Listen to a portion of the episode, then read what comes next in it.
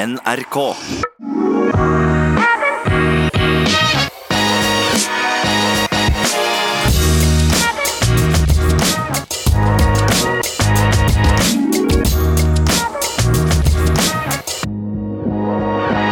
Velkommen til en ny episode av I det lange løp. Vi er jo kommet oss godt inn i 2020, og godt er det.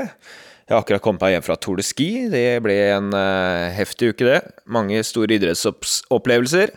Litt dårlig på treningsfronten. Jeg har knapt løpt i 2020, det er jo flaut å si, men heldigvis gått litt på, på ski. Men en som har løpt, det er nok eh, Christian Ulriksen, min makker, som er på andre uka nå nede i Kenya. Vi skal straks prøve å få kontakt med han. Denne uka her så handler episoden om å løpe på tredemølle. Vi har fått med oss uh, Sindre Burås. Han er jo tidligere toppløper, trener nå mosjonister, trener med mosjonister, så han har litt uh, perspektiv både fra den ene og den andre siden. Glimrende mann å ha, på det, så, ha med på det, så han kommer straks inn her. Men vi får prøve dette nettverket ned til Kenya igjen, for det er litt viktig å finne ut om han Christian Ulriksen har løpt seg bort, eller om han har kontroll der nede. Skal vi se her. Eh, Christian, hører du meg? Her er det loud and clear, så ingen problem på nettet foreløpig. Ja, det er eh, glimrende. Hvordan går det med deg? Nei, det går meget bra. Vi er på dag ti her nå, så eh, jeg er usikker på om uke to er tyngre enn uke én, men det får vi finne ut av. ja. Nei, men det blir løpt et par ganger om dagen? Det må vi. Vi må klare å komme oss ut to ganger. Det er minimum her nede. Og nå det, har det ankommet en fem til ti tyskere og en fem til ti dansker og litt andre folk, så nå er det nok av folk å trene med. Da får du noen å prate med òg, mellom øktene her, så tida, tida den går. Ja, ja, ja. Det er løpeinteresserte folk her, og det er høyt nivå på, på mange mann. Og til og med Thais er jo kommet ned her etter at han eh, fikk endelig knekt det 29 29 blank-grensa si, så fikk han jo løpt 28 et eller annet der på den 10 km i Paris der i, i romjula. Så nå når han ankom Kenya, så var han jo i både godt humør og ja, og så lys på fremtida. De skal jo en hel gjeng til Sevilla og prøve på OL-kravet i februar, så det er mange som trener bra her fra Europa òg nå. Da snakker du om Tyson Eihaus, en danske egentlig med nederlandsk familie. Han har norsk eh, samboer og trente med Sondre Nordstad Moen mye i fjor. og Derfor er du er på fornavn med han. Du er jo du er vel på fornavn med de fleste der nede nå, kan jeg tenke meg? Ja, så alle her som har eh, europeisk opprinnelse, de er gode kompiser. Og så må vi prøve å bli venner med de kenyanerne nå, men der er det litt verre med fornavn. ja, jeg skjønner. Du, du fikk jo eh, besøk av NRKs Afrika-korrespondent Asbjørn Kristiansen forrige uke. Det var jo moro å høre det.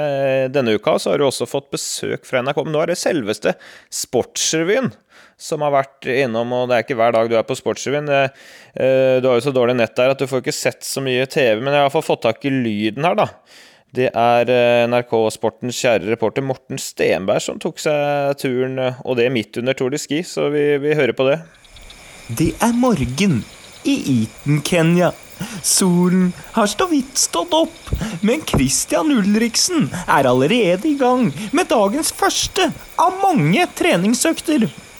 Det nytter ikke å ligge på latsida her nede. Det er, det er, bare å stramme skoene og, og, og stå i det.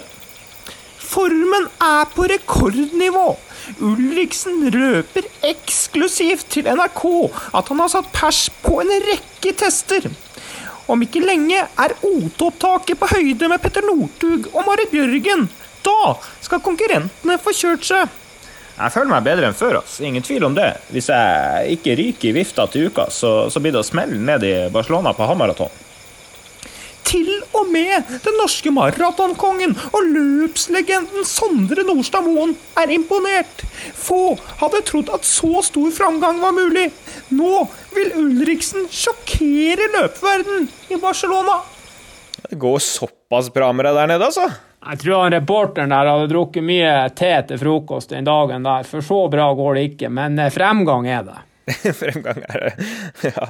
Nei, men du har fått uh, en kenyansk uh, skal vi si, løpevenninne der nede som du trener en del med. Hvem er det?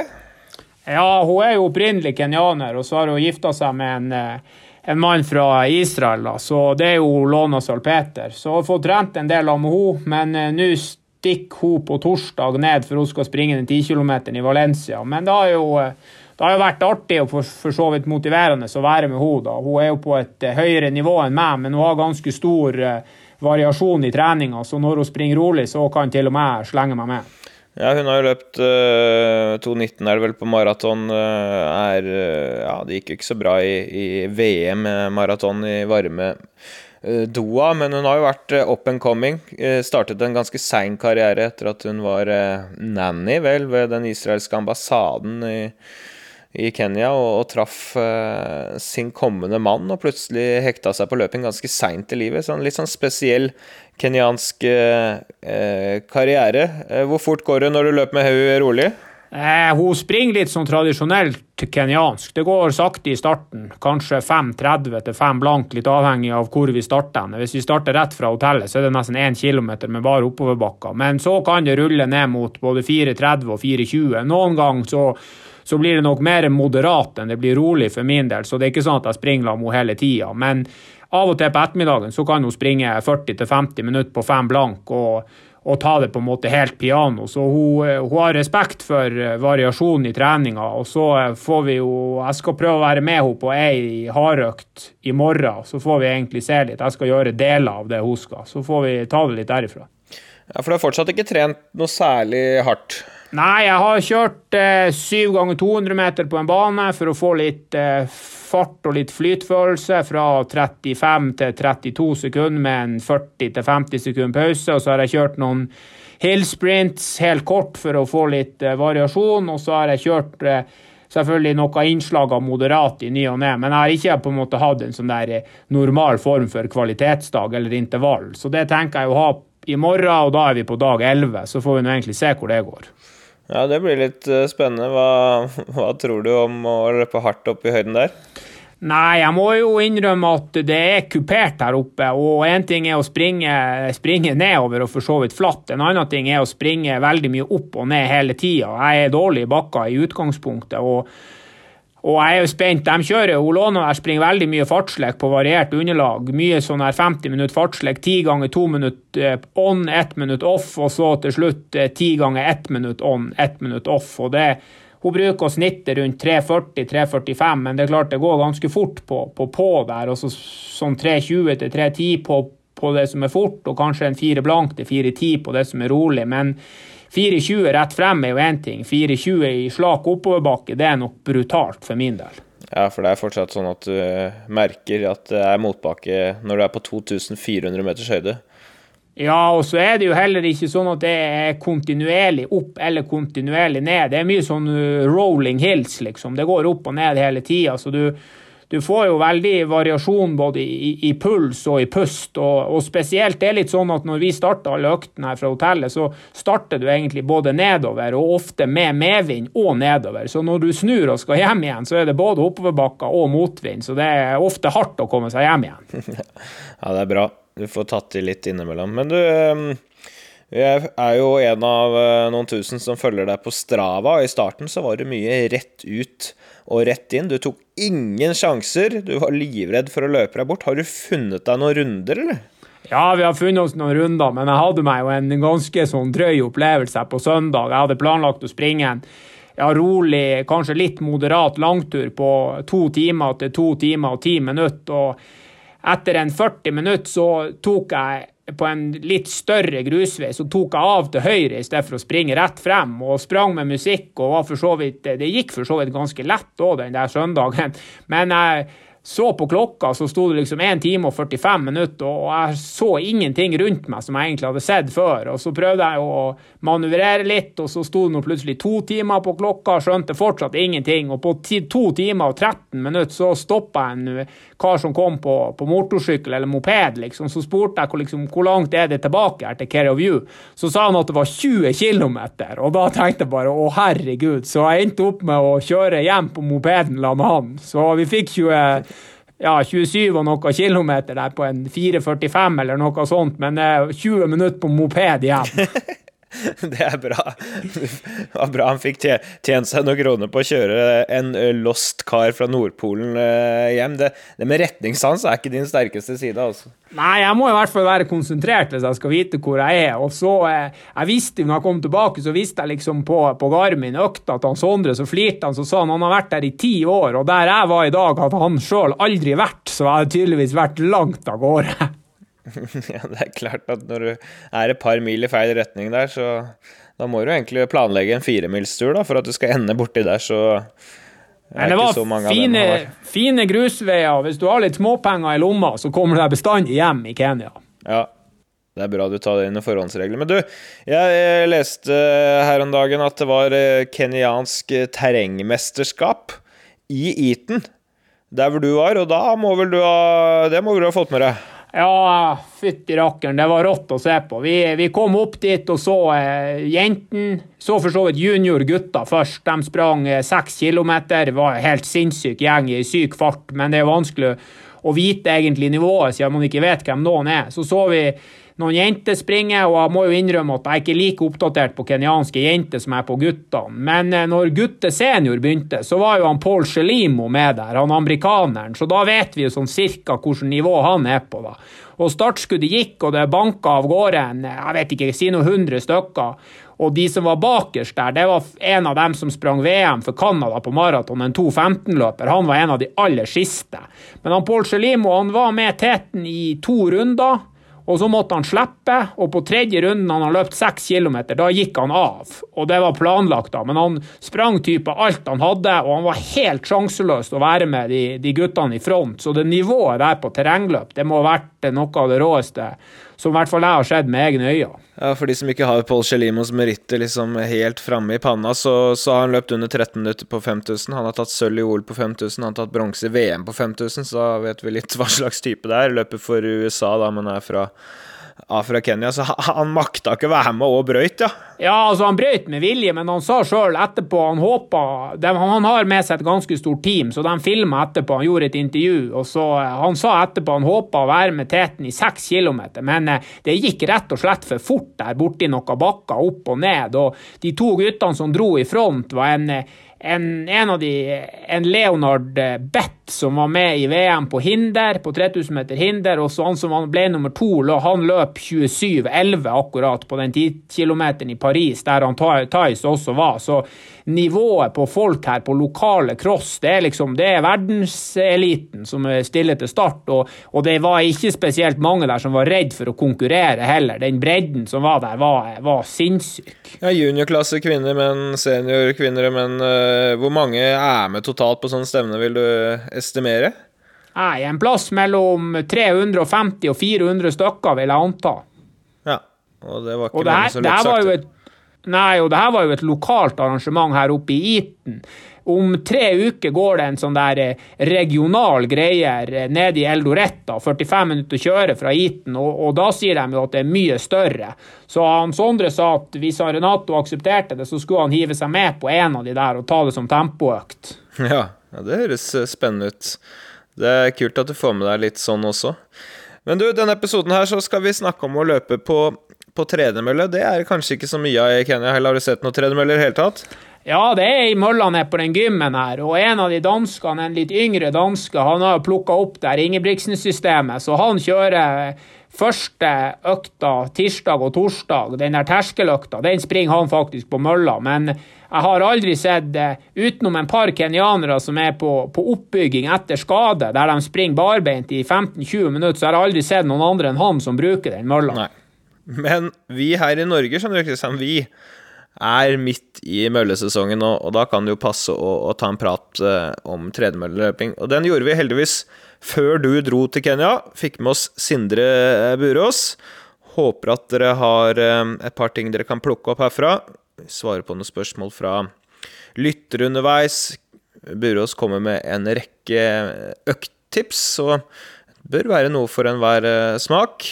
Eh, lykke til videre, Kenya. Vi høres om en uke, Kristian. Takk for det. Så får vi prøve første hardøkta i morgen, og så får du henge med på Strava. Hvis det plutselig sier stopp der en to-tre dager, så får du ringe og sjekke om det er liv i meg. ja, jeg skal, jeg skal uh, sørge for å være oppdatert. Det er bra, det.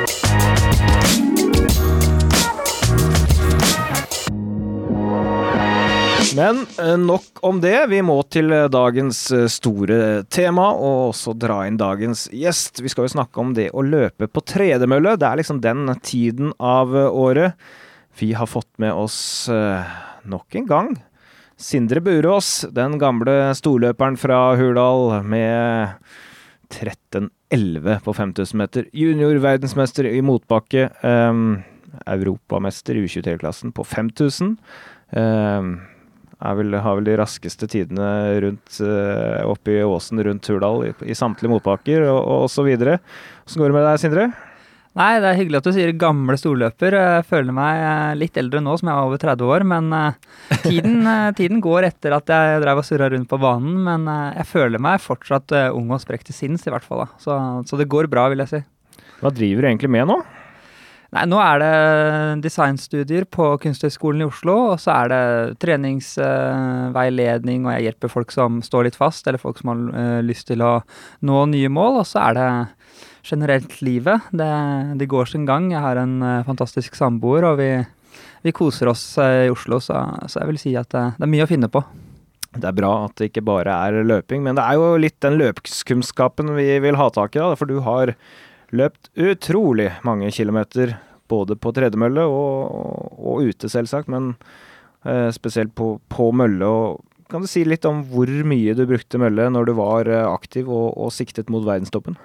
Nei, det var eh, når jeg flytta til Oslo og starta å satse ordentlig i kan si 2008-2009, så, så, ble, den, eh, ble det tilgangen til tredemøller og gode tredemøller mye, mye større. Og jeg hadde mye mer fokus på, på intervalltrening på løping gjennom vinteren. Da. Eh, og da, for å gjennomføre de på høyest mulig eh, nivå, da, så ble det og, og presist, så ble det å kjøre mye, mye hardøkter på tredemølle. Og etter hvert som årene gikk, så ble det mer og mer og mer eh, tredemølleløping også utover i sesongen for å, for å rett og slett ha litt sånn referanser og kontroll, da. Ja, det høres litt spesielt ut når sola skinner. Det er 20 grader, det er eh, ypperlige vindforhold. Og så sto du da i perioder inne på Olympiatoppen, ganske varm luft. Titta ut av vinduet, så friidrettsbanen ligge foran nesa på deg, og svetta på dette hamsterhjulet. Hvorfor i all verden? Nei, det, det, det, er mange, det, er mange, ting man kan lure på rundt det der. Men uh, det, var, det var rett og slett at jeg hadde full kontroll. Jeg hadde mye referanser. Jeg hadde kjørt de samme øktene gjennom, uh, gjennom hele vinteren på, på akkurat samme tredemølla. Var veldig opptatt av det. Og da da hadde jeg eh, mulighet for å styre økta akkurat slik som jeg ville, og jeg kunne sammenligne det med tidligere økter. Det var stort sett det, og etter hvert som jeg hadde løpt mye Jeg hadde jo løpt mine runder på Sognsvann nå, så det var ikke at jeg opplevde så mye nytt eh, hver gang jeg løp der. Eh, så det ble en annen eh, økt i banken, og det var en jobb som ble gjort, og så var det, var det på en måte ferdig med det.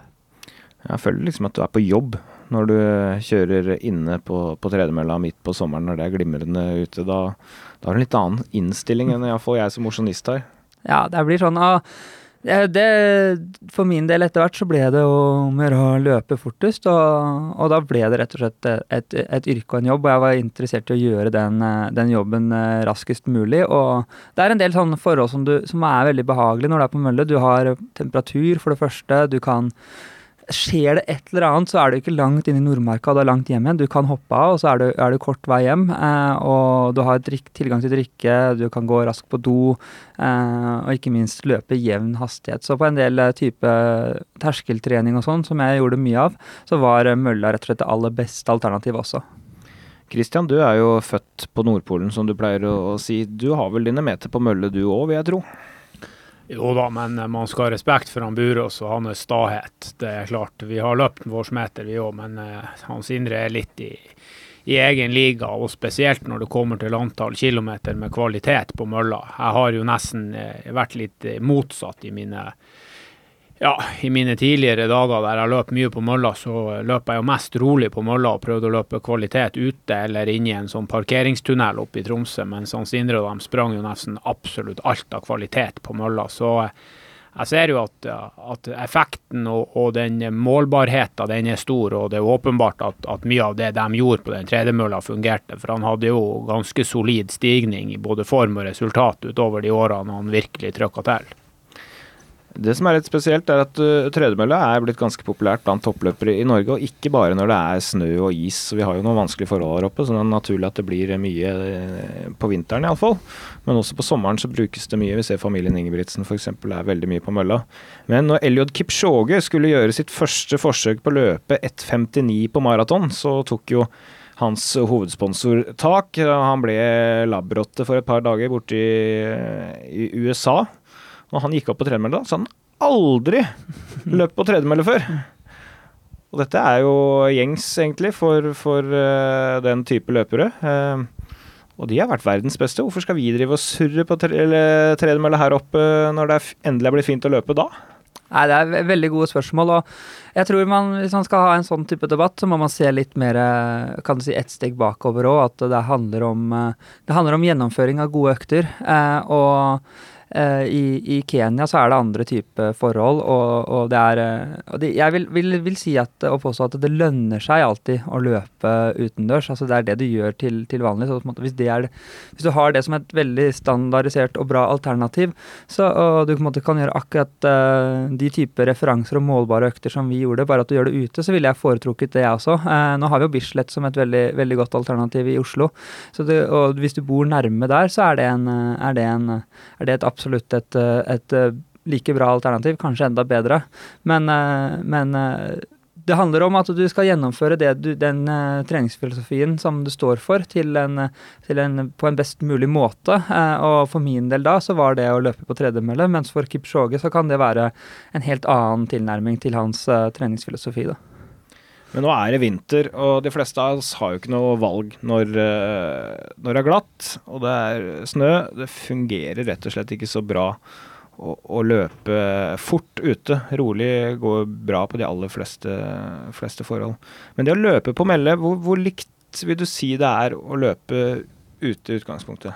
Nei, det er litt, litt, annerledes. Det føles alltid litt annerledes når du har løpt mye f.eks. på tredemølle og skal, skal, ned på Bislett og løpe tilsvarende økt der, så må du skyve fra litt mer. Eh, mølle så, på mølle så kan du i teorien bare hoppe opp, og så kan båndene gå, gå, gå, under deg, og så har du beveget deg framover da, eh, i, i, forhold til det som står på tredemølla, eller båndene har beveget seg bakover.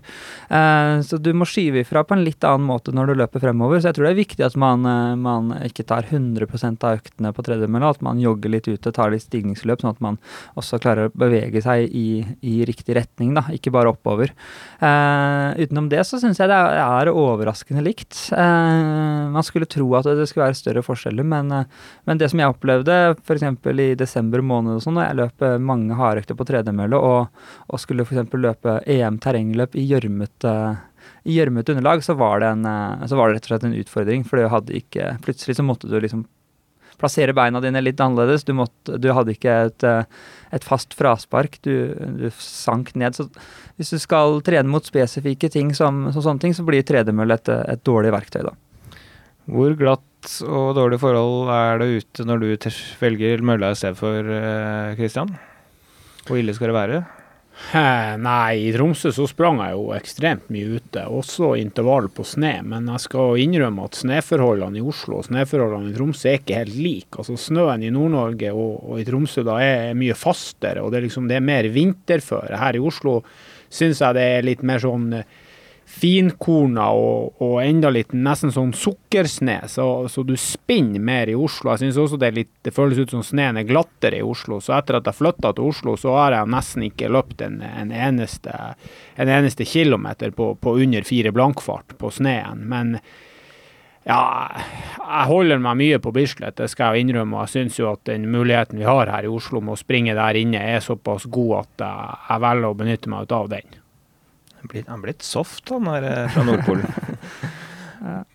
men, eh, men, du snakka om stigningsløp her, og det kan vi godt ta med en gang, eh, Sindre. Det syns jeg er noe av det verste man kan gjøre ute når det er glatt. For hvis jeg virkelig skal tråkke til å, å, å nærme meg så kanskje 90-95% av maksimal hastighet, det er ikke mange ganger jeg tør å gjøre om vinteren. Altså. Og hvordan funker det å ta stigningsløp eller drag på mølla. Hva, hva er erstatninga der? Nei, det syns jeg også var litt knotete. Eh, det som jeg pleide å gjøre, var å sette mølla på litt forskjellig hva slags mølle man har, men så å si på maks hastighet. For, for min del jeg var jo ganske rask, og så kan si jeg hoppa av, og så, og så hoppa jeg på da mølla i, i den maks hastigheten. Så løp jeg en 10-15 sekunder, og så, og så hoppa jeg av igjen. Sånn at jeg fikk ikke den der lange, seine akselerasjonen. Men det kan man også gjøre. altså Bare løpe på mølla, og så, og så kan du si holde plussknappen oppe, sånn at det går raskere og raskere og raskere. raskere. Eh, det er en form for stigning treningsløp løp det. Det, og det funker ganske bra, men ideelt sett så, så bør man uh, gjøre det ute. Hvis man har en sånn lang, lang, korridor eller et eller annet. Du er jo mye på NRK, Jan. Her kan hende finnes en, en lang korridor du kan løpe, løpe stigningsløp her også. Jeg husker jeg hadde en uh, trener på, på Før jeg flytta til Oslo, Runar Bolsrud, han var jobba på, på, Forsvaret. Og der hadde jeg en lang korridor på Trandum hvor vi løp, eh, det var kanskje 60 meter, hvor vi løp inni, i, den, inni den hallen da, hvor det var dører som slo ut, så man bare passer på at man ikke, ikke bli slått i døra. Men man må være litt kreativ, finne sånne type, type, type alternativer. Men, eh, men, det funker å gjøre det på tredemølle også. Ja, det er mange kreative ute. Vebjørn Rodal var jo inne i en sånn slags kraftstasjon eller et eller annet oppi Trøndelag der og løp med piggsko på en matte de la ut uh, osv. Vi ser også at Karsten Warholm har varma opp inne i parkeringshus. Ingebrigtsen har vel også varma innendørs på, på hotellet ved enkelte anledninger, så det gjelder å finne løsninger. Men eh, ikke løp i maks styrke rett inn en dør som ble åpna. Det, det, vil vi ikke helst ikke ha, ha skylda for. Du, vi har snakket med noen toppløpere vi om eh, det å løpe på, på tredemølle. Først så kan vi jo høre på hva Hedda Hynne sier. Hun uh, har jo løpt VM, uh, OL, EM på 800 meter. Vært i EM-finale uh, bl.a.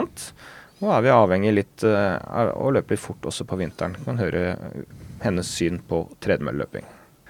Da sitter vi her med Hedda Hynne, og dette med tredemølle det mistenker jeg at du har noen meninger om, for jeg har sett deg ganske mye på tredemølle på sosiale medier. Hvor mye bruker du det i treninga di? Eh, på vinteren så bruker jeg det altså stort sett hele tida. Eh, jeg tror jeg i fjor kunne telle på hånda mi hvor mange ganger jeg trente ute. For at eh, jeg bor i Trondheim.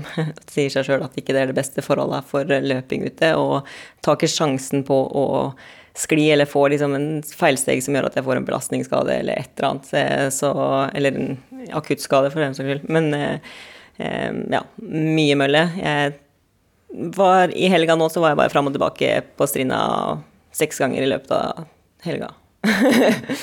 Da snakker vi om en skole der du eh, ofte er og bruker møllene. Ja, det stemmer. Jeg er ikke veldig kresen på underlag og sånn egentlig. Eh, jeg er veldig nøye med at jeg alltid skifter sko, eh, men så jobber jo treneren og samboeren min på Strinda, hvor de har et helsett med Woodway-møller, og det er det jeg foretrekker. Så hvis jeg kan, så drar jeg dit. Betyr det at du på vinteren også løper all rolig trening nesten på mølle? Ja, Veldig mye. Hvorfor ikke ute? Det høres litt kjedelig ut. Ja, det er kanskje litt kjedelig. Eh, jeg løper veldig korte langturer, da. Så sånn som dere syns kanskje at det er snakk om ingenting uansett. Så det går stort sett veldig bra. Og så syns jeg det er digg å løpe i shorts og T-skjorte. Eh, det er litt sånn hvis det nærmer seg ti minus, så er det altså det er litt Du blir litt stiv og rett og slett litt mye bekledning, så foretrekker faktisk å løpe inne. På sommeren, da, når det er fint ute, bruker du noe mølle da? Nei. Det er veldig, veldig sånn sesongbasert, rett og slett. Så da, da er det dritkjedelig å løpe mølle. Så det er uaktuelt. Men hvordan er overgangen fra å løpe på mølle til å komme og bare løpe ute? Gjør du noe tiltak i den perioden? Nei, altså som sagt så jeg styrer egentlig mest av været. Så når vi drar på leir, så løper jeg ute hele tida. Eh, og det er ute som jeg liker aller best. Eh, men som sagt, igjen, det, jeg prøver å bare unngå alle mulige sjanser for at jeg skal pådra meg noen form for skade. Så jeg tenker at jeg, jeg løper ute så lenge det er OK forhold til det. Og så har jeg noen piggsko som jeg har brukt og fått bare sånn mind-blowing Altså, det her går jo ikke an. Det er jo blank is, liksom, og det går dritbra. Men eh, det er jo ikke det beste. Igjen, da må jeg ha på meg de samme skoene gang på gang, og det, det sitter i huet mitt. Da vil jeg skifte sko. det var Hedda Hynne. Løper nesten 100% av sin trening eh, mot OL nå til sommeren. nå. inne på tredemølle. Hva tenker du om det? Nei, jeg tenker at eh, Hedda Hynne er bevisst i det hun gjør. Altså, så det vi, det vi kanskje bør snakke om, det er at det er en uh, tilgjengelighet. og og hvis f.eks. jeg skulle bodd oppe på Kringsjå og skulle løpe på Bislett, så handla det om en, en, logistikk og en transport ned til Bislett som fort vekk tar en halvtime. Og jeg bodde på Olympiatoppen, og, eller nærme Olympiatoppen og hadde tilgang til sånne ting. Så det er, det er en veldig sånn uh, logistikk som man må ha inn i bildet her. Hvis jeg skulle brukt én time opp og ned to ganger til Bislett om dagen, så hadde det tatt to timer uh, av dagen min. Og det vil si uh, at jeg hadde tapt to timer søvn, da, i, i, praktisk. Så, så, det er mye sånne ting som, som spiller inn i bildet når, når toppidrett idrettsutøvere løper på tredemølle, og det er en, er en, en, beregning som har gjort at man skal ha en mest mulig effektiv hverdag, mest mulig trygghet og minst mulig risiko for skader, som gjør at man mister kontinuitet og, og treningsarbeid da, over lang tid. Jeg var litt inne på det når jeg spurte henne her, eh, Hedda Hynne her, Christian. Jeg syns det virker litt kjedelig. Hva tenker du om å, å gjøre samtlige kilometer inne på mølle? Jeg er litt usikker på hvor langt Hedda springer av gangen, men hvis vi er på en 30, kanskje maks 40 minutter per økt for hennes del, så det er klart at du, du får gjort mye på den mølla, og det er varmt, og det er lett, og det er i det hele tatt. Så jeg skjønner jo for så vidt. Og så er det jo den der skaderisikoen. Det er jo en gang sånn at man blir jo god på det man trener på. Det er eh, vinterstid både på Lillehammer og, og, i Tromsø, så blir du, du blir god av å springe på sne etter hvert. Men uh, hvis du gjør det en gang i uka eller en gang annenhver uke, da er det både ubehagelig og, og du egentlig føler deg litt som Bambi på isen. Så når du først er i gang på det der møllesystemet, så er det fort gjort å bare stå i det. Og så er jo uh, hun Hedda ganske ofte på treningsleir òg, så uh, jeg skjønner for så vidt. Og hun er på et høyt nivå. Det satses tross alt mot OL. For de oss og de som lytter på, som syns det blir kjedelig på en rolig tur på mølla etter 20 minutter, og klokka går eventyrlig sakte. Har vi noen tips da, for å sprite opp denne treninga på mølle litt? Hør høre på podkast kan jo være en, en løsning, selvsagt. Kristian, eh, du, du, er tilhenger av denne iPaden din? Ja, du klarer å slå igjen mange timer på en iPad, bare du har tilgang til internett. Så kan du nå se på hva, egentlig hva du vil. Om du velger å dra opp noen gamle Northug-filmer, eller om du velger å finne noen YouTube-klipp av han Bekele, så går tida fortere da enn når du står og ser ned i displayet, for det, det går sakte. altså. Det er sjelden og aldri tida går så sakte som når du springer på fem blank på ei tredemølle og står og ser på sekundene. Da, ja, da kan 40 minutter ta en dag. Tillot eh, du deg sånne ting som proff? Jeg gjorde absolutt det. Jeg så kanskje ikke så mye på skjerm, men jeg hørte veldig mye på musikk og, og podkaster og sånne ting, og var egentlig helt avhengig av det. Eh, hvis jeg skulle løpe en time rolig på mølla sånn. Da ble det ofte en progressiv langtur eller et eller annet. Eh, lettere å gjøre, gjøre hardøkter enn rolig trening, men, men eh, et aspekt er også ta med deg noen. Som hvis, hvis du er på treningssenter, så kan du ha noen som løper på mølla ved siden av. Er det en rolig tur, som, man, eh, som ofte er de som er kjedelige, så kan man løpe og, og prate, akkurat som, som man gjør ute. Og, og det kan være sosialt. Da går i hvert fall tiden tiden mye fortere. Eller så er det sånn som Kristian har vært uh, inne på, uh, å se på, på sportssendinger også er jo en klassiker. Jeg har sett mange som uh, ser på maratonløp mens de løper, og jeg tror det sitter en ved siden av meg her som også har, har latt seg inspirere av løping mens han løper. så det er, det er, ikke noe jeg gjorde, men, men musikk og, og, samtaler er, var det jeg brukte mest. da. Ja, når jeg løper rolig, så klarer jeg for så vidt å følge med på noe som er litt logisk. Jeg kan høre på en podkast og følge med. Til og med se en serie på TV. Jeg har selvfølgelig plassert en, en, TV rett foran mølla mi hjemme. Men hvis jeg skal løpe fort, da klarer jeg ikke å følge med på noe. Så da kan jeg gjerne sette på, hvis jeg skal løpe New York Marathon eller Berlin Marathon, så setter jeg på tidligere utgaver, og så kjører jeg musikk for fullt ved tillegg, så kan jeg bli litt inspirert og se ulike steder i løypa om jeg ikke følger med på den skjermen på fem minutter fordi at det begynner å bli litt uh, halvseigt det jeg driver med på mølla, så får det være. Men innimellom så får jeg noe sånn uh, glimt av inspirasjon fra skjermen foran meg, samtidig som musikken dundrer av gårde. Men det fins jo de uh, Snakk med Thomas Alsgaard, f.eks. Han, han mener å gå på ski med musikk. Det er ikke noe for han, for han skal høre lyden fra, fra snøen. Altså Det er ikke noe det at du skal høre fotisett og, og den, den, type ting, at man skal være helt inni det. Ja, jeg vet jo Kaggestad også har snakka om at han må høre pusten og sånne ting, men det Nei, jeg, eh, jeg bare løp, jeg også, eh, med, med full guffe. Eh, Og det var den hardeste teknoen du kunne få tak i, så, så det, var, det var det jeg tenkte på. Men det er klart man kan alltid optimalisere ting, men jeg tror ikke det kan være sånn Det er vanskelig å påta... Altså, det må ikke være påtatt heller. Jeg kunne ikke, jeg kunne ikke løpt en time og bare hørt på pusten min da. Jeg Tror jeg hadde blitt enda galere enn det jeg allerede var. Så jeg tror man må, må bare gjøre noe som man syns får tida til å gå, og som man selv syns er ålreit. En ting vi må snakke om, Christian, det er muskulær belastning på mølle kontra det å løpe ute. Hvordan opplever du den? Nei, jeg har jo stilt til start i Barcelona på halvmaraton der i, tidlig, eller midten av februar. Jeg skal jo ned dit i år òg, jeg tror det er fjerde gangen i år. Så eh, i fjor sprang jeg jo etter å ha trent i Oslo, og det gikk for så vidt bra. Men de to årene før der igjen, så hadde det vært mye bra økter. Så jeg har jo ei, ei mølle som var kalibrert, og som i det hele tatt eh, skulle gi indikasjoner på at det var i brukbar form. Men, men når man kom der, og det nærma oss 50 minutter den halvmaratonen der, så var det akkurat som, eh, som følelsen av, av beina forsvant litt under meg. Og, og jeg var rett og slett eh, ikke muskulært sterk nok eller tilpassa til, til å springe en halvmaraton i, i februar på, på ren tredemølletrening, uavhengig av hva laktatmåleren eller hva tredemølla sa. Så, så det gikk dårlig. men hvis jeg fikk brukt eh, mølla på en måte inn mot sommeren, og så fikk supplert med litt eh, asfaltløping, så eh, var det liksom større samsvar mellom formen og, og resultatet. Men ren mølletrening og, og halvmaraton Maraton prøvde jeg aldri, men, men det har jeg dårlig erfaring med. Mulig det går på, på 10 km eller nedover, det skal ikke jeg si for sikkert, for der har jeg ikke prøvd for mye. Hva tenker du, Sindre? Uh, nei, jeg kom til å tenke på det når Christian snakka nå, at jeg har jo heller ikke gjort konkurransespesifikke økter på, på tredemølle. Det må sies at eh, når, når banesesongen kom, og jeg skulle kjøre bane Jeg kjørte ikke baneøkter på tredemølle, da. Det, det var rett og slett på, på tartanbanen. Så det jeg gjorde av tredemølleøkter, er generell grunntrening og terskeltrening pluss minus. eh, Litt raskere, type sånn 45-15 og sånn, hvor hvor jeg drar på litt på slutten. Men, men eh, utenom det så var det, så var det grunntreninga og baneøktene, de virkelig konkurransespesifikke øktene, ble gjort, gjort på en friidrettsbane på samme forhold som det vi konkurrerer i. Da. Eh, Så det, det er et viktig aspekt her. Og det kan godt hende at det stemmer også på halvmaraton og maratontrening. Har ikke jeg prøvd å gjort det verken på ekte heller på, på, på tredemølle, så, så der har jeg ikke så mye erfaring.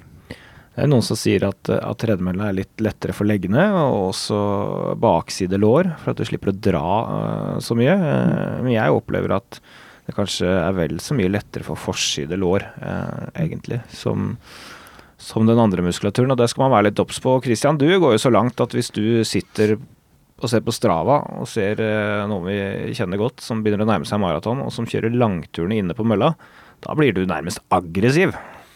Ja, jeg har eh, rett og slett trykka unfollow på en par av de der kompisene mine i, i ren frustrasjon. For av og til så, eh, så syns jeg at de rett og slett mister jern. Og når han Sindre sier litt om litt hvor seriøs han var, så, så kan vi selvfølgelig være enige om at en mann som har vært i VM, han har eh, gjort det han kan. Men det er en del mosjonister også så, som prøver, jeg skal ikke si så hardt de kan, men i hvert fall i nærheten.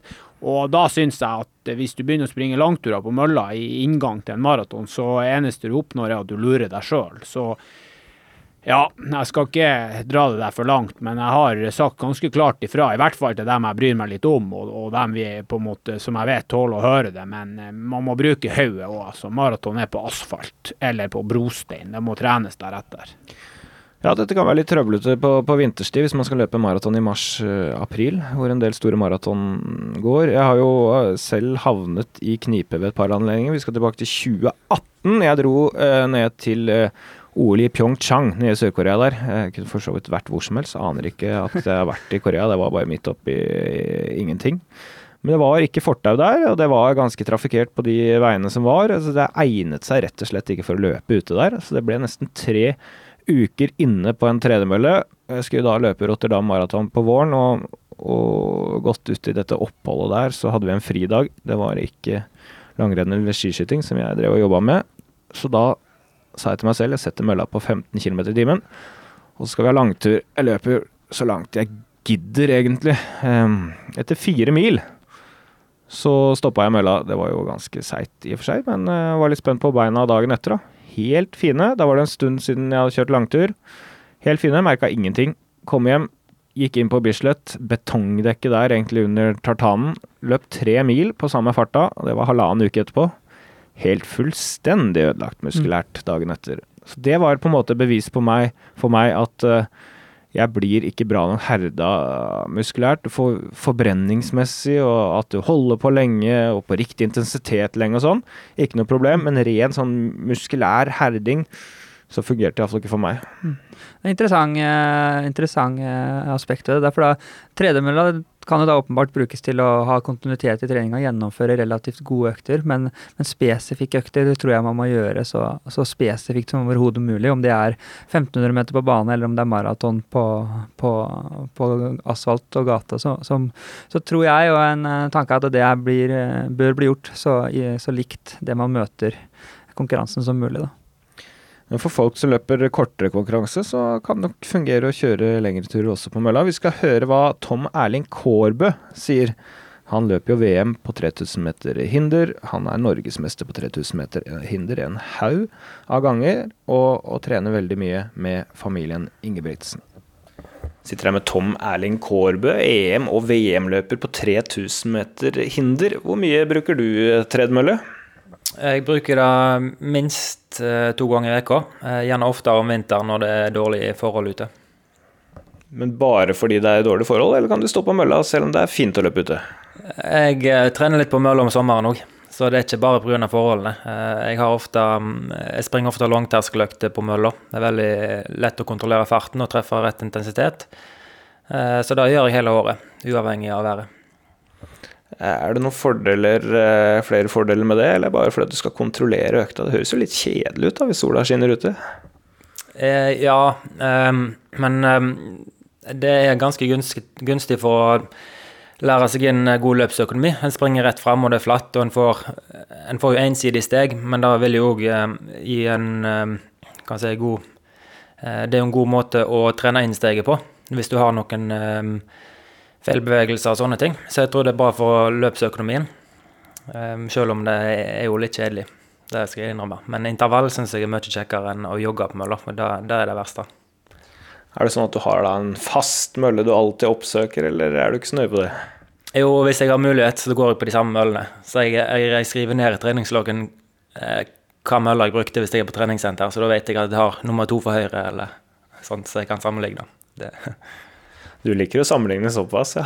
ja, det er jo ikke vits å måle laktat eh, hvis jeg ikke kan sammenligne det med eh, over tid, da. Så, så eller, eller Det er jo nyttig uansett, men eh, jeg liker jo å ha kontroll. Eh, og det er jo kjekt å kunne eh, sammenligne litt og se om jeg får eh, framgang. Ser du noen ulemper med å bruke mølle en del?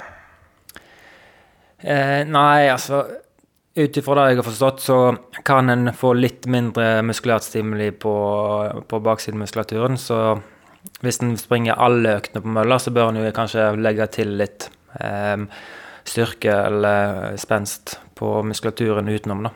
Men ellers så, så er ikke det så veldig store ulemper, syns jeg.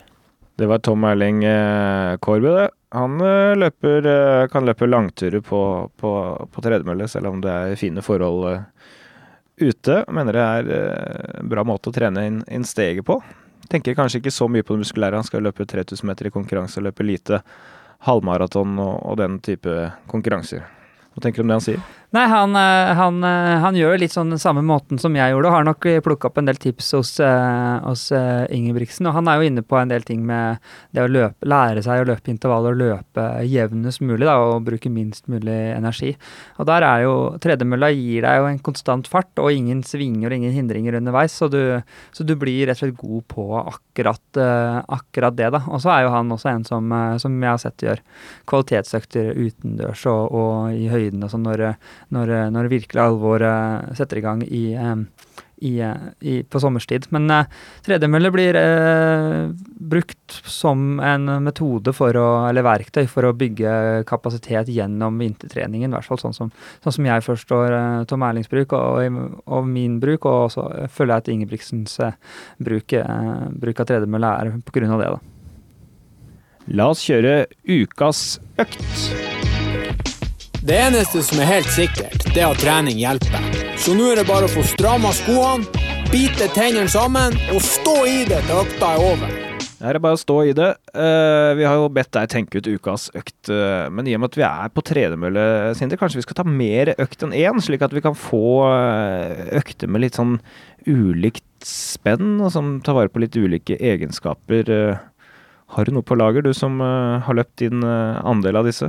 Ja, det har jeg. Um, eh, kanskje litt vanskelig å forklare, men de som eh, hører, får bare spole tilbake hvis ikke får med seg alt første gang. Men i hvert fall 45-15, eh, en økt som jeg løp veldig mye og som jeg mener er helt perfekt til tredemølle. Lettere å gjennomføre på tredemølle enn enn noe som helst annet sted. Eh, det handler om at du, du løper 45 sekunder innsats, eh, og så er det 15 sekunder pause. Eh, og tanken med det er at du eh, også skal øke farten etter hvert. Jeg pleide å starte på 18 km i timen eh, og øke med 0,2 km i timen per drag. Eh, har du en 25-30 drag, da, så havner du opp på 24 km i timen. Da. Eh, det gjør at du får mange kilometer og mange minutter på, på veldig høy hastighet. Og Da er det å sette eh, mølla på, på 18, løpe 45 sekunder, hoppe av, eh, og så stå stille i 15 sekunder, og så hoppe på igjen da, når, eh, når du har hatt 15 sekunder pause. Og så øke farten underveis.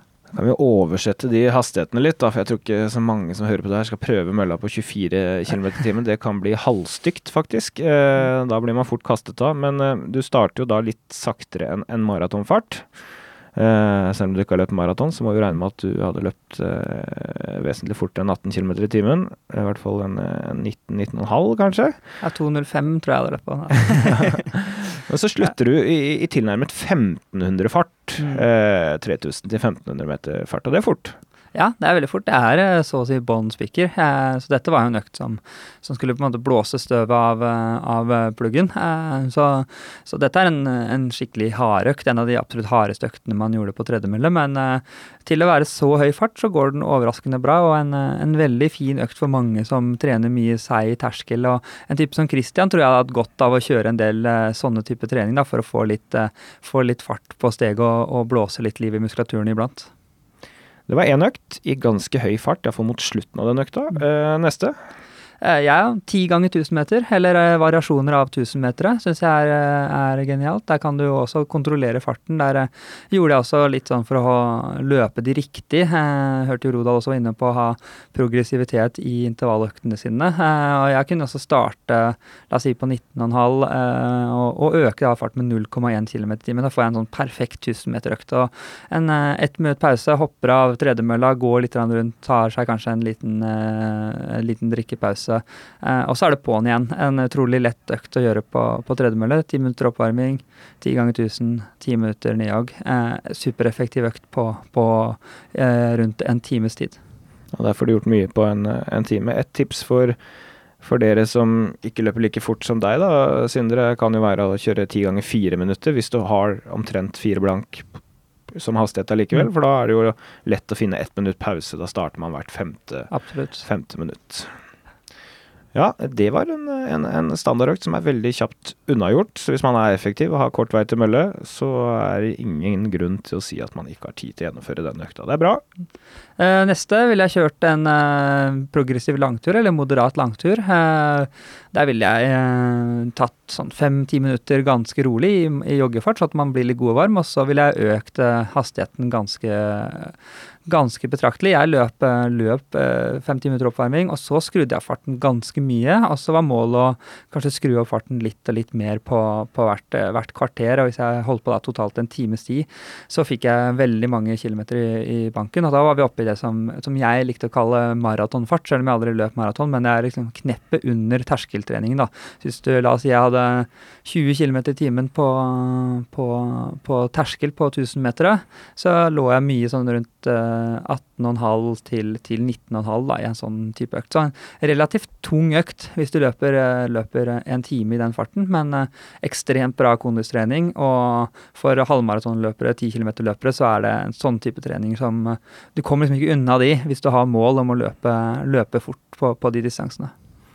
En variant der er jo, eh, for å holde huet litt med eh, på mølla, er at det skal skje noe ganske ofte. Så da kan man f.eks. hvert tredje minutt eller hver kilometer skru opp farta med 0,1 km i timen. Så skal man hele tiden passe på at man har mål om å komme til neste kilometer eller neste tre minutter, sånn at man har noe å passe på. Så syns jeg det går litt lettere mentalt, Ja. rett og slett. Og så kan man også ha et slags eh, distansemål, at man jobber mot et mål. Det syns jeg noen ganger jeg var, var altså, jeg ser jeg liksom at det tikker nærmere og nærmere 20 km eller, eller whatever. Så, så går også tida ganske fort på en sånn type økt. Plutselig så er du ferdig, og så da er det fem minutter ned òg, og så har man, eh, har man gjort veldig mye på en time. Eh, og det er det, dette som er litt sånn gull med tredemølle.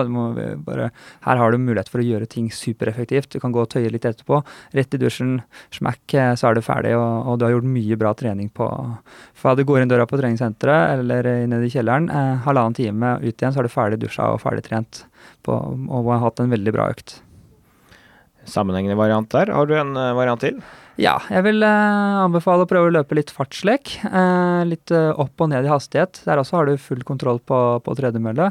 Jeg løp mye De som har vært med meg på treninger og fått sånn treningsprogram, og sånn, har jo kjent igjen 3-2-1 minutt. En sånn genial økt, syns jeg. Det er morsom å gjøre. Mye høy fart og, og, og lett å gjennomføre. Først eh, tre minutter, eh, ett minutt pause, to minutt, ett minutt pause, ett minutt, ett minutt pause. Og så er det en nytt sett da på tre, to, én minutt. Og så kan man kjøre en eh, fem sånne sett, f.eks. Da, eh, eh, da har man en halvtimes tid på intensitet og mange, mange kilometer i god fart. og ca. 0,5 km i timen forskjell da, på treeren og toeren og ettminutteren. Så kan man prøve å ha litt, litt stigning i hastigheten også per sett. Så har man, har man etter hvert mange kilometer på, på høy hastighet. Her er mye som skjer. Stor variasjon. Uh, må trykkes stadig vekk, og det er, det er bra. Da holder man seg våken på, på mølla om å følge med. Noterer du, Kristian? Ja, den der 5 ganger 321, den har vi fått notert ned. 45-15, den har vi fått for en par år siden hos Hans Indre, så den har vi. Ikke blir det gjennomført så ofte, men eh, av og til. Men den 5 ganger 321, den skal vi ta med oss. Vi går videre, vi. Eh, Sindre har jo vært inne på dette med standardøkter. Og da er jo eh, noen ting som er viktig når det kommer til eh, det å løpe på mølle. Jeg syns vi skal høre på Karoline Bjerkeli Grødal. Hun er inne på noe av dette i denne praten vi gjorde for eh, litt siden. Karoline Bjerkeli Grødal, hvor mye bruker du tredemølle? Eh, veldig masse. Eh, jeg bruker det både på sommeren og, og høst og vinter. Men eh, jeg er veldig masse den tida vi er inne i nå. Eh, stort sett alle økt jeg hadde før EM-terrengløp, var, på, var på mølle, bortsett fra ei økt på Bislett. På sommeren, det er jeg litt nysgjerrig på. Hvorfor løper du på mølle da? Ikke veldig masse, men jeg, det hender at jeg, jeg tar, eh, tar ei terskeløkt på mølla. Litt fordi at eh, jeg har litt standardøkter som jeg kan få målt både laktat og fart. eh, Rett og slett for å se hvor, hvor han er. da, Det er veldig målbart. Så det blir mer som en sånn liten test. da. Springer han ute, så har han ofte litt variasjon i terreng og, og løype og den biten. Så, så ofte gjør jeg eh, fordi det er enkelt, og andre ganger fordi jeg ikke har selskap. Og da syns jeg mølla er bedre enn å springe alene. Eh, og så er det litt for å ha kontroll. Du tar det på standardøkter for å ha kontroll, sier du. Det sier meg noe her at du går ikke bare inn på et hvilket som helst treningssenter og peker deg ut en mølle og hopper på. Nei, eh, det er ikke. Jeg Nå er jeg ikke sponsa Woodway, men jeg skal innrømme at jeg er veldig glad i den møllen. Og ja, spring, spring på gode tredemøller. Det, det syns jeg er viktig. Men nå er det jo veldig masse bra møller, eh, så jeg tror ikke, jeg tror ikke det er et problem. Men eh, jeg har ordna meg sånn at jeg har har ei bra mølle hjemme på Åndalsnes, på treningsstudio der òg, så jeg veit jeg liksom har, har det i orden, da. Ja, for Hvis du skal sammenligne svaret fra gang til gang, så er du avhengig av at den går like fort hver gang. Ja, sånn som her på Olympiatoppen så springer jeg stort sett. Jeg har to møller jeg springer på, på rolige og langturer. Så, så det er litt sånn krise når de, de er opptatt. Da står du litt sånn på sida og venter på at jeg skal gå av. Så det er litt sært, men eh, det blir litt sånn. Selv om det er tre andre ledige. Ja, fem andre ledige, så skal du ha den ene, liksom. Spesielt på økter, da. Det, det er nok litt uh, spesielt. Det var Karoline Bjerkeli Grøvdal. Hun oppsøker eh, samme mølla hver eneste gang, hvis det er eh, mulig. Og her er vi inne på når det gjelder disse standardøktene man skal sammenligne fra gang til gang. Hvordan kan man vite da at tredemølla går like fort hver gang? Eh, ja, der kan man jo måle og kjenne litt på hvor, hvor god man er, men det fins jo Man må stole litt på at de møllene er kalibrert men, uh, og holder seg, holder seg i sjakk. Det jeg gjorde da på Olympiatoppen, var å ta Jeg tok bilde av, se, av serienummeret på tredemølla. For nå hender det de vasker og styrer årene litt, og så blir det eh, møller som tilsynelatende Eller det kan godt hende at de går helt likt òg, men, eh, men eh, det var litt ulike varianter der. Eh, og da er man sikker på at den, den mølla går eh, er den samme da, hver gang. Og jeg og Karoline trente jo mye sammen òg, og vi hadde jo en slags enighet. altså De to møllene vi løp på, sto jo ved siden av hverandre, så vi slapp jo å krangle om den samme mølla. For det hadde vært veldig dårlig strategi av oss å ha standardøkten på den samme tredemølla, for da fikk vi aldri trent sammen. Eh, så, så ta et bilde av serienummeret, løp på samme mølla eller et eller annet, og så eh, gjør det mest mulig sånn. Men dette her også er litt sånn eh, skal jeg si, Det er ikke sånn at alle som mosjonister som løper rundt tre timer på maraton, må drive og styre og ordne på et treningssenter og lage mye drama hvis, hvis man ikke får løpt på, på, akkurat samme tredemølla. Så man må ha en viss eh, eh beherske seg litt oppi, oppi det hele òg. Men, eh, men, hvis man måler med laktat og puls, så, så er det jo viktig at referansen er akkurat det samme. da. Ja, Hvis man kommer inn på treningssenteret og, og, har en favorittmølle som man kjører mange øktene på, så kan man prøve å oppsøke den. og Er den opptatt, så, så får det være. Man får trent veldig bra allikevel. Kristian, eh, du har jo løst dette problemet ved å kjøpe deg mølle og putte ned i eh, en forferdelig kjeller der. Uh, er du sikker på at den holder samme hastighet året rundt? For det første så er kjelleren helt strøken, og for det andre så er det kun jeg som er på den mølla der. Så ja, jeg har eh, en avtale der med det selskapet. Jeg kjøpte den for at jeg bruker å ringe ut på, på senhøsten og få meg en, en, service og få den kalibrert. Og så må man jo bare tro på eh, det man har av servicepersonell. Når de sier at nå er mølla sånn som det er ute, så får vi jo stole på dem. Nå har jeg jo løpt litt der i kjelleren og vært litt oppe på Olympiatoppen og vært litt andre plasser. så syns jo at det virker, virker riktig. Mølla nede nå. Og, og, som jeg sa tidligere, så gjennomfører jeg jo mange intervaller på Bislett. Så ja, vi skal si oss fornøyd. Om den går på 12 km i timen og det egentlig er 12,1, så får vi, får vi ta det.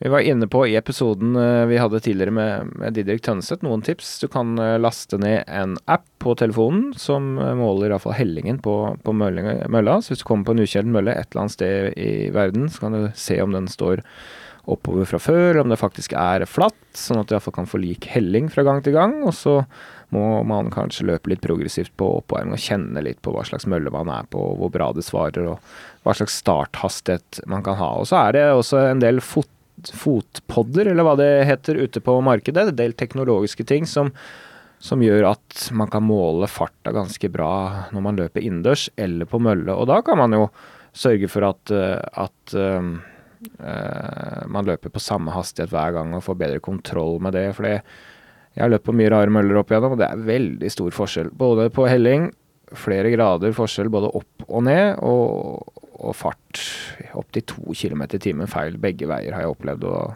Da begynner det å bli fire km i timen eh, spenn på, på møllene. og da ja, formen min er jo variabel, men ikke så variabel.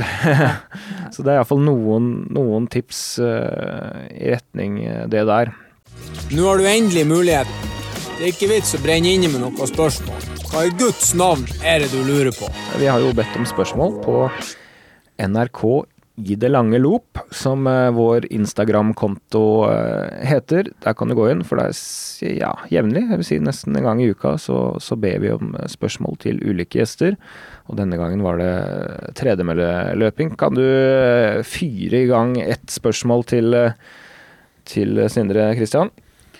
Ja, Burås må være omtrent det, det vi har av tredemøllekonge her i Norge. Så ha han på plass her når folkene får spurt litt, det er jo veldig, veldig bra. Så jeg syns vi skal begynne med, med det det spørres desidert mest om. Så har vi jo en god kompis på Lillehammer der, han Simen Næss Berge. Jeg skjønner jo at han er på mølla når du bor på Lillehammer og du eh, er løper og ikke skiløper, så det er klart da må du inn av og til. Det han lurer på her, er jo at det ofte snakkes om stigning i prosent. 1-2% for å få like forhold som ute i forhold til luftmotstand.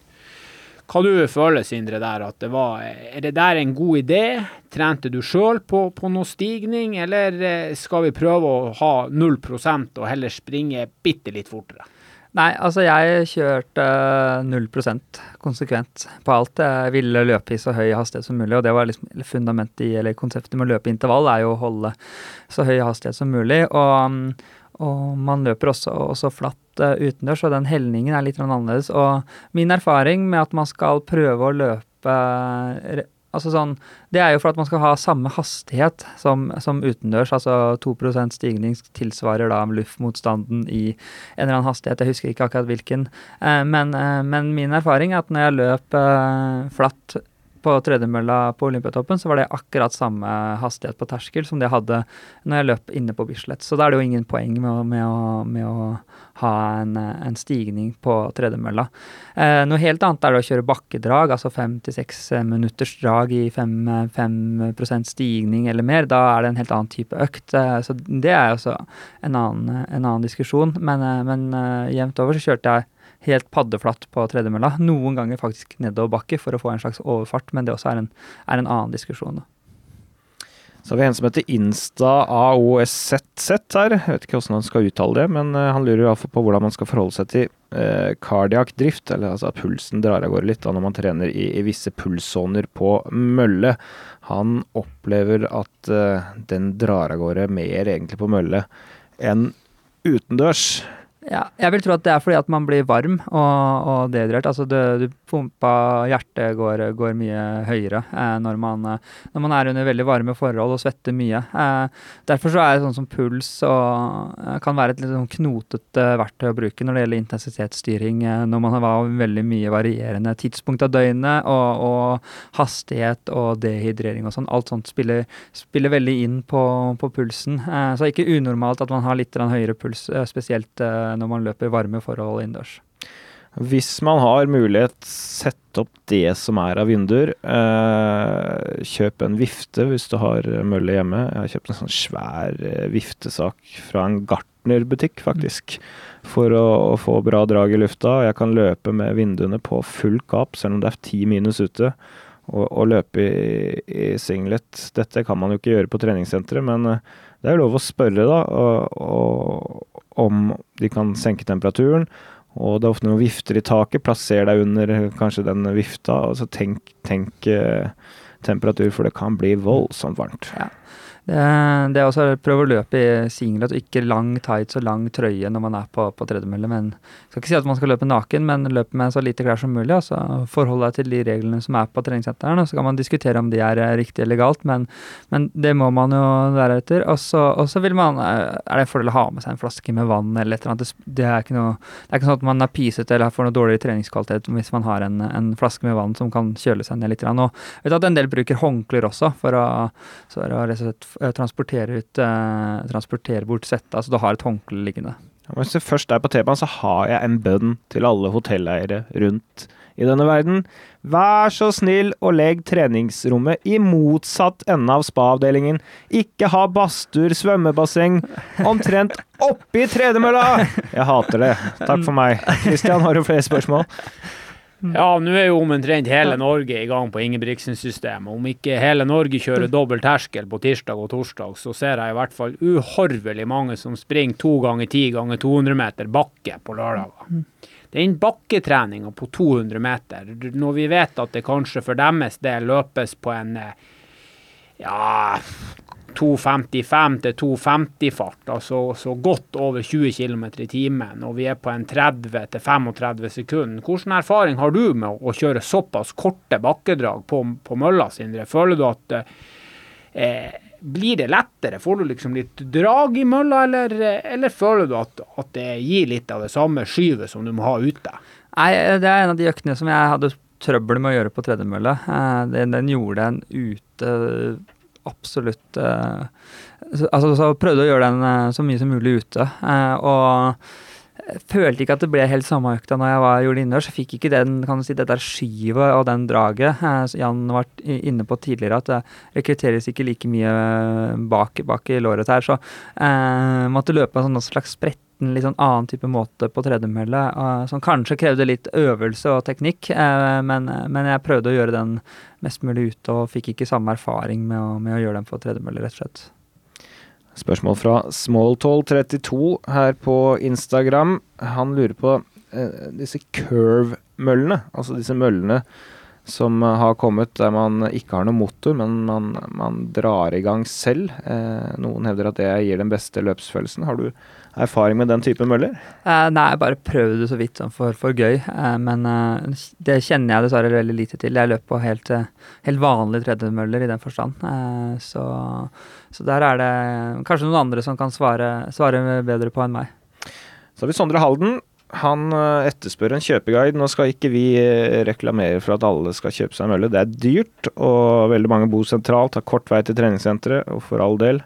Eh, Men hvis man er superfrelst, som Christian, eller bor i Gokk, sånn som meg, så kan det jo være en idé. Og vi skal ikke reklamere for, for merker og den slags, Sindre, men hva bør man tenke på? Nei, altså jeg er jo generelt opptatt av eh, kvalitet, jeg som person. Og, og sørg for å ha en som har en god motor, som, eh, som gjør at du når, du når du lander på tredemølla og er eh, mer enn 10 kg, at ikke motoren bremser. Eh, at det er bra kvalitet, byggekvalitet, at du har litt rom, at den ikke er altfor smal eller altfor liten.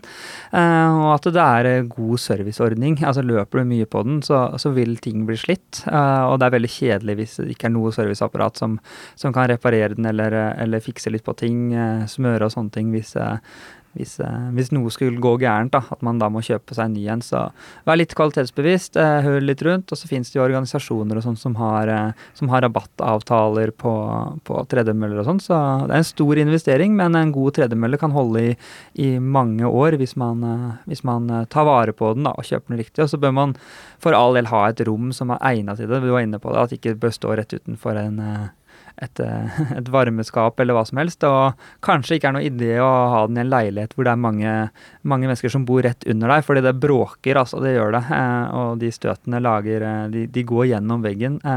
Så ha et egna rom, og de som kjøper den, må for all del bruke den. Ellers så blir det tullete. Det er, det er en dyr investering hvis den aldri blir brukt.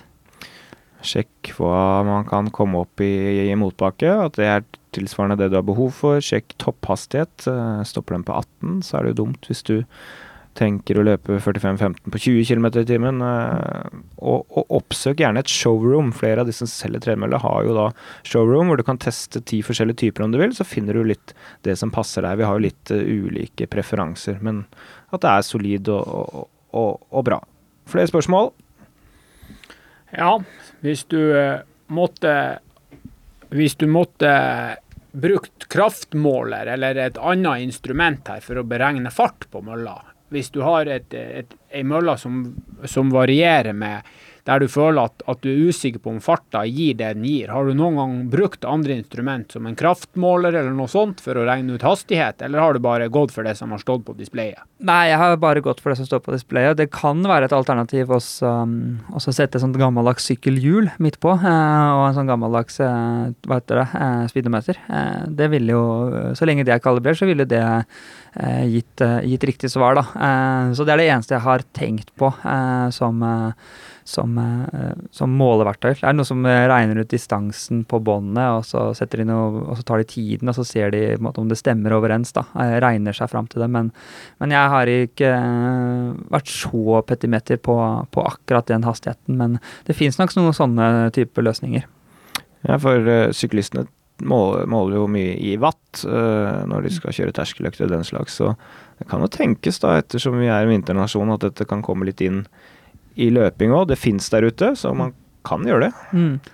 Ja, det er eh, Men, men eh, stort sett sånn, så eh, så jeg har brukt kilometer i timen som, som referanse, eller, eller brukt liksom et puls- og intensitetsstyring da, også som, som mål på hvor, hvor hardt jeg tar i. Men det, det er muligheter for å se hvor muskulaturen genererer kraft også. Det, det er vel noen produsenter som har vært litt inne på det, uten at jeg har satt meg noe særlig inn i det.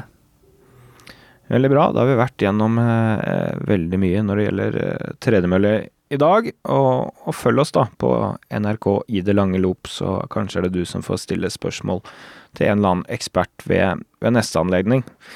Ehm, vi kunne jo sitte og snakke om dette i evighet, vi tre, men vi må jo trene òg, så vi får komme oss eh, ut. Vi skal avslutte denne episoden med Sondre Nordstad Moen. 2.05-mannen på maraton. Født og oppvokst oppe i Trondheim. Han har vært på en og annen mølle, han òg, før han flytta for godt ned til Italia og Kenya. Så la oss høre eh, litt om eh, hans syn på tredemølle helt avslutningsvis. Takk for at du hørte på. Sondre Nordstad Moen, hvordan syns du tredemølle bruk, eh, Hvordan syns du det fungerer som treningsredskap i løping? Eh, Det fungerer mm, svært bra og kan ofte mm, erstatte løping ut, eh, spesielt på vinterhalvåret, der eh, alternativet kan for veldig mange eh, være å springe ut på, på glatt underlag, og i, men òg i ja, godt med kuldegrader, der du må eventuelt pakke på deg så mye med klær at det det blir eh, ja, vanskelig å få en god, god løpsopplevelse. Um, men først og fremst det å unngå å springe på enten glatt underlag eller underlag som holder på å fryse på, da, der du eh, av og til kan kjenne på at eh, Eller du springer med en sånn viss, viss fare for å, å skli litt på på, på ishinna på, på asfalten, og da, da springer en ubevisst og, og spenner seg, og det, det kan eh, Når en får holdt på en stund, så kan det fort føre at en får noe, noe små, vondter, da. Altså du belaster feil muskulatur. Hvor mye har du brukt mølle selv? Hvor mange timer har du stått på mølle, tror du? Når jeg bodde hjemme i Trondheim, eh, gikk på videregående, og det var en halvmeter med snø ut, og det eneste alternativet var å springe krappe svinger i Leangen ishall i Trondheim, så ble det mye mølleløping. Eh, Så jeg brukte vel eh, Ja, i de periodene jeg ikke var på treningsleir i varme strøk, så foregikk, eh, vil jeg si, nærmere 85-90% av alle kvalitetsøktene mine på tredemølle. Hva er ulempen, hvis det er noen, med tredemølleløping? Mm. Eh, nei, altså det er jo mange meninger om det der. Noen mener at du bør ha en viss prosent eh, stigning for å kompensere med luftmotstand. Uh, andre mener at du bruker kanskje leggmuskulaturen eller hamstring eller sete litt mindre enn, på, enn det du gjør uh, ved uteløping. Eh, der tror jeg egentlig at en, en må se egentlig på helhet, da. Jeg tror eh, hvis du kan eh, veksle litt mellom kanskje å springe inn i en, inn i en innendørshall på den litt raskere treninga, men, at du, at du da kanskje springer trening rundt um, anarob terskel på, på tredemølle, og hvis forholdene tillater det, og du, kan, og du bare skal ut og jogge deg en tur, så kan du kanskje springe eh, eh, ut på, på, på snøunderlag, da, så fremt det er tørt og fint og ikke sleipt. Men eh, jeg tror eh, fordelen på mølle kan jo være at eh, du får eh, Hvis du ønsker en konstant belastning da, og ha progresjon i økta, og at du ønsker å ha eh, spring Forsikre deg om at du springer deg inn i økta før du øker intensiteten, så er tredemølle et veldig praktisk eh, verktøy. Da. Det er sjelden at du bommer eh, hvis du springer første draget eh, på en fart som er litt lavere enn det du vet du har kapasitet til. Da er det lett å Da kan du heller legge på et ekstra drag eh, på slutten av økta.